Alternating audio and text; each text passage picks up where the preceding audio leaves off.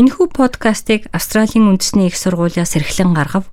Сонсогч та бүхэндээ энэ өдрийн халуун мэндийг хүргэж байна. Австрали улсын орон нутгийн визний шин төрлүүд энэ 7 хоногт зарлагдлаа. Энэ тухайн айнуудаагийнхаа подкастаар хүргэж байгаа бөгөөд хамрагдах ажлуудын жагсаалтыг манай нийтлэл дээрээс хүлээн аваарай. Энэ 7 хоногт зарлагдсан визний шин төрлүүд архитектор, шинжлэх ухаанч, мис засалч болон бусад олон мэрэгжилтнүүдийг орон нутагт суурьших амьдрахыг дэмжиж гарсан байна. Тариаланчид, жүжигчид, нисгэгчид, археологчид, сувилагч нар дархан гээд Австралийн орон нутгийн шинэ визэнд өргөдөл гарах боломжтой олон мэрэгжлүүд уг жагсаалтад багтсан байна.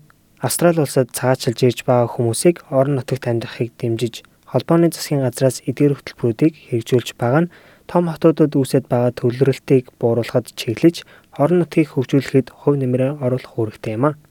Үүний дагуу шинээр гарсан визний хоёр төрөл нь ур чадвартай цагаачдыг орон нутагт 3 жил амьдарч байнгын оршин суугч болох боломжийг олгож байгаа юм а. Цаачлалын сайд Дэвид Колман шинэ визүүд Сидней, Мельбурн, Брисбен гэсэн том хотуудын хүн амыг багасгах орон нутгуудад боломж олгох юм хэмээн хэлж байлаа. Бид боловсон хүчин хомс хэрэгцээтэй байгаа орон нутаг бус нутгуудад хөгжих дэмжлэг олгож байна хэмээн тэрээр хэлж байсан юм а. Цагаачдыг орон нутагт хамгийн багатаа 3 жил ажиллаж амьдрах шаардлагыг тавьж байгаа нь амьдралаа тэндээс эхлэх магадгүй тэндээ үлдэх боломжоор хангаж байгаа юм хэмээн нэмж хэллээ. Шинээр гарсан хоёр виз нь Skilled Employer Sponsored Regional Visa буюу Австралийн ажил олгогчоор ивент тэтгүүлсэн виз, мөн Skilled Work Regional Visa буюу муж болон тухайн орон нутгаас эсвэл шаардлага хангаж байгаа гэр бүлийн гишүүнээр өргөцсөн гэсэн хоёр төрлийн виз хүчин төгөлдөр болсон.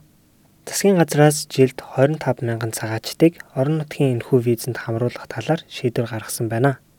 Энэхүү хөтөлбөр нь Австралийн байнгын оршин суугчдын суудлын тоог 190-ээс 160 мянга болгон бууруулах хөтөлбөрийн нэг хэсэг юм а.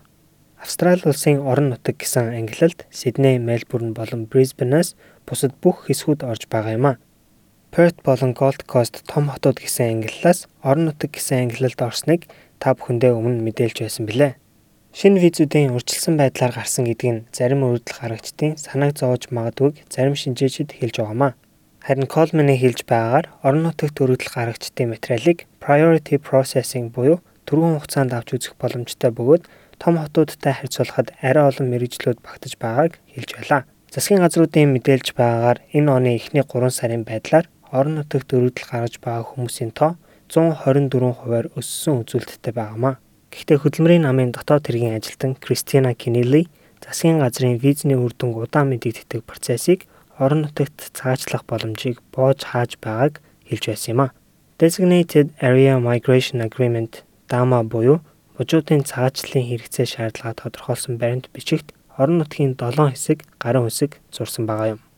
Харин засгийн газрын хувьд хөдөө орон нутгийг өргөжүүлэх тодорхой ажилчдыг томилсон бөгөөд эдгээр ажилчид орон нутагт байрлах ажил олгогчдыг дэмжин ажиллах үүрэгтэй юм байна.